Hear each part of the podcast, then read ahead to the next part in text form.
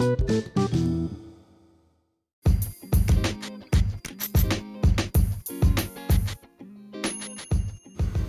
assalamualaikum warahmatullahi wabarakatuh. Berjumpa kembali di Positive Booster, kawan-kawan. Your partner to grow. Sekarang, eh, insya Allah kita akan membahas di topik yang hits banget adalah di kalangan ciwi-ciwi ini ya, yaitu adalah kalap, kalap ketika belanja atau kita sebut dengan impulsive buying di mana keinginan kita untuk membeli banyak barang yang tidak kita butuhkan. Atau kita merasa kita butuhkan padahal setelah itu kemaknaan dari suatu barang itu hilang. Oke okay, nah check it out. How to control our impulsive buying. Pertama kita tarik dulu kita akan bahas kenapa kita mengumpulkan banyak barang kemudian ken kenapa kita harus menginginkan banyak barang apakah dengan barang-barang itu kita bisa bahagia? E, kita seseorang yang mudah untuk meramalkan perasaan dan nanti bagi akan saya arahkan bagaimana kita memaknai fungsi dari kesepadanan si barang tersebut. Mungkin di akhir akan saya tambahkan tips sebagai solusi. Sebenarnya kenapa sih kita mengumpulkan banyak barang? Padahal sebenarnya apa yang kita miliki itu sudah cukup untuk diri kita gitu. Kita ngerasa bahwa kita belum puas. Intinya di kepuasan ini ya selalu merasa yang lebih kemudian berangan-angan memiliki kehidupan yang ideal. Misalnya kita punya baju atau kerudung atau tas sepatu sebenarnya 3 sampai 4 ataupun mungkin kita punya lebih ya 5 5 itu suka sudah cukup. Tapi mengapa kita ingin lebih ternyata kita tidak bisa menemukan kepuasan di itu dan kita menginginkan untuk membelinya kembali in case misalnya seperti ini. Jadi kalau kalian misalnya membeli satu barang jangan memprediksikan kebahagiaan yang akan kita rasakan di masa depan. Tapi coba kalian bagi apa e, rentangan durasi ini menjadi sebelum kalian beli, ketika kalian beli, setelah kalian beli. Jadi sebelum beli bukan mikir nanti, tapi kita in case kita bagi dulu dari tiga durasi ini ya. Pertama sebelum, sebelum pasti kita menginginkan kita punya angan-angan untuk membelinya atau merasa bahwa aku tuh harus punya ini nih, aku harus hits dengan ini. Kemudian ketika kita beli, kemudian kita pikir nih setelah itu kira-kira ketika 10 hari kita setelah 10 hari kita make kita masih bisa nggak sih memaknai fungsi? Nah, kalau kita belum bisa memaknai fungsi kita kita ngerasa bahwa kita akan beli baru lagi gitu. Terus kita bakal memikirkan apakah dengan budget yang kita miliki ini e, tidak mengurangi atau mencukupi untuk kehidupan kita khususnya untuk mencukupi kebutuhan kita. Itu yang kita pikirkan. Jadi in the future yang harus kita pikirkan bukan hanya mengandai-andai kita nanti bisa tampil sedia kala sesuai dengan angan-angan kita. Kedua karena kita terbiasa untuk dikelilingi oleh banyak barang.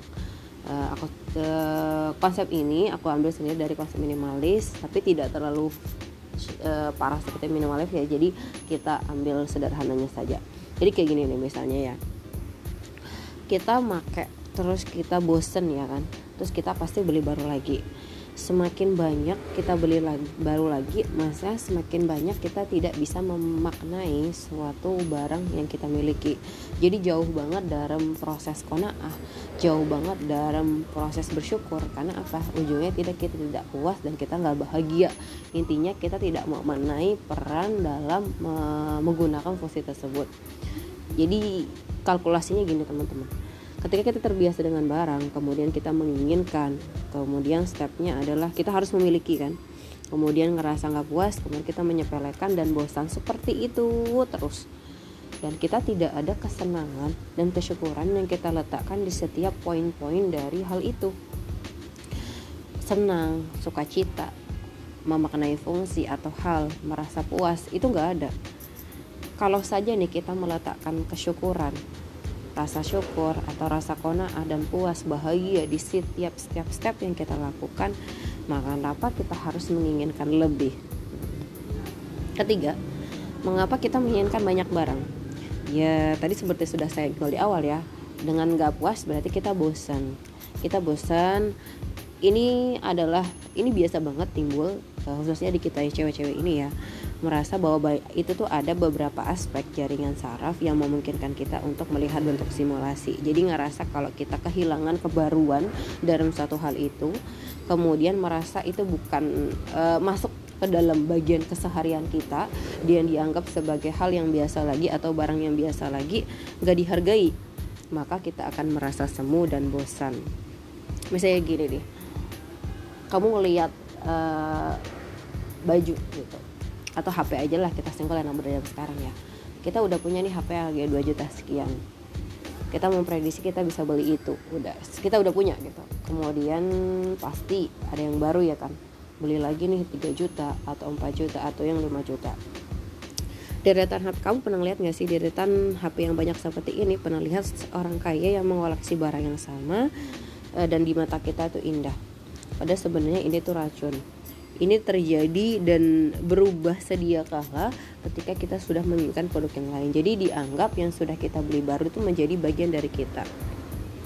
Karena kebahagiaan berkelanjutan kebahagiaan ini kebahagiaan kebahagiaan ini tidak bisa berkelanjutan. Jadi yang mana ketika kita membeli satu barang kita bisa bahagia nih.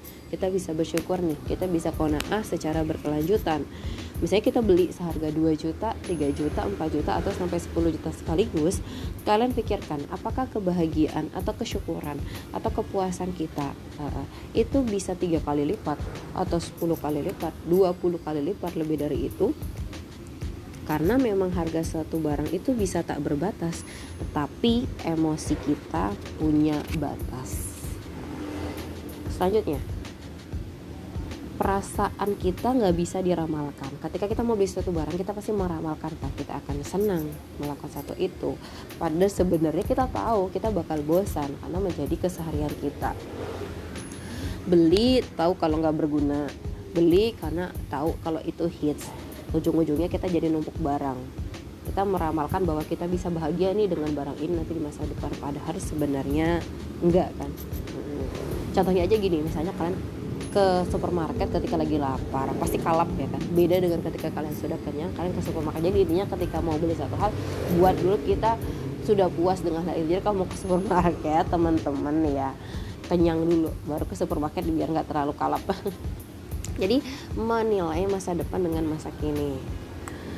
Gimana sih cara kita me mencari kebahagiaan atau mensyukuri dengan memaknai barang? Yang pertama kita harus meyakini bahwa kita sudah memiliki apa yang kita butuhkan bukan apa yang kita inginkan kedua semua yang kita miliki sudah layak untuk diri kita jangan diambil dari persepsi orang lain karena orang lain selalu merasa tidak layak dengan apa yang kita miliki. Ketiga, kebahagiaan itu nggak bisa dibeli, tapi yang bisa dibeli adalah fungsi dan pemaknaan suatu barang. Karena perasaan yang benar-benar nyata, nggak peduli berapa banyak yang dibelanjakan dan berapa banyak yang dimiliki, itu nggak bisa dibeli. Memaknai fungsi atau beli sesuai fungsi. Ini ya teman-teman. Jadi kalau misalnya kalian udah klasifikasi ternyata kalian butuh nih.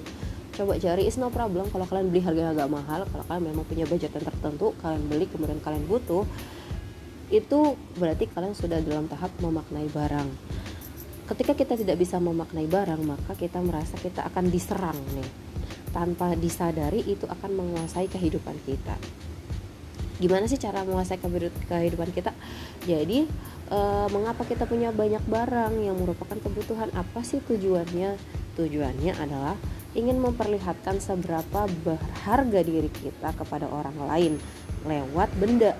Kita menyampaikan kepada masyarakat kita punya nilai pada sebenarnya ketika kita ikut alur seperti ini kita akan merasa diri kita itu gak layak atau social comparison. Kalau sudah masuk ke tahap social comparison maka nggak ada habis-habisnya. Karena memang ngebandingin dengan orang lain itu nggak akan ada habis-habisnya dan selalu ada yang di atas kita.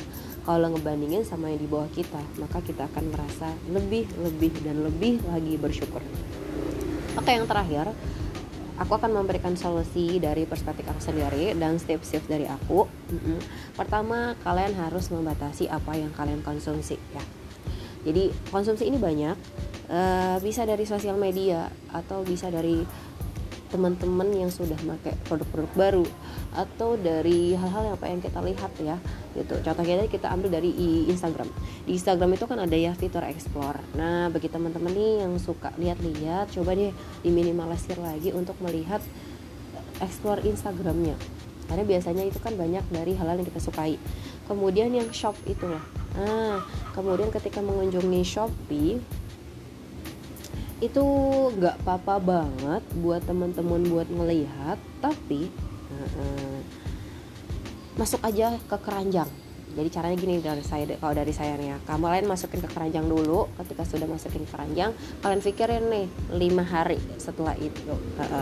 Kita pikirkan kita pertimbangkan. Kira-kira kita butuh nggak ini? Kira-kira budget kita cukup nggak sih? Kira-kira ini termasuk kebutuhan atau keinginan nggak sih? Kebutuhan adalah ketika kita tidak tidak memiliki itu kita merasa susah atau tidak bisa menjalani hidup. Kalau keinginan ketika kita tidak memiliki kita masih bisa hidup. Itu ya kebutuhan dan keinginan. Kadang-kadang tipisnya itu. Kemudian kalau misalnya kita jalan-jalan nih kak gimana? Kalau kita jalan-jalan ke toko di foto aja dulu. Jangan diambil langsung dibayar. Jadi di foto lagi-lagi sama dipertimbangkan selama lima hari nanti teman-teman akan rasakan sendiri gimana setelah lima hari pasti bosan dan gak bakal beli lagi. Kalau misalnya masih kepikiran berarti kalian memang butuh insya Allah seperti itu. Pertimbangkan lagi-lagi pertimbangkan mana yang merupakan kebutuhan dan keinginan. Jangan meramalkan ya kalau kita nanti bakal butuh. Tapi ingat dengan fungsionalitas dari suatu barang itu pikirkan berdasarkan fungsi sesuaikan budget yang kita miliki. Jangan bengkak di akhir nanti di akhir malah bingung ya kan?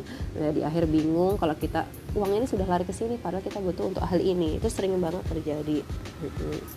Kemudian terakhir belajar untuk memaknai suatu barang dan syukur. Syukur dengan apa yang kita miliki mulai untuk bersifat kona'ah. Mungkin itu saja uh, dari saya semoga bermanfaat teman-teman. Wassalamualaikum warahmatullahi wabarakatuh.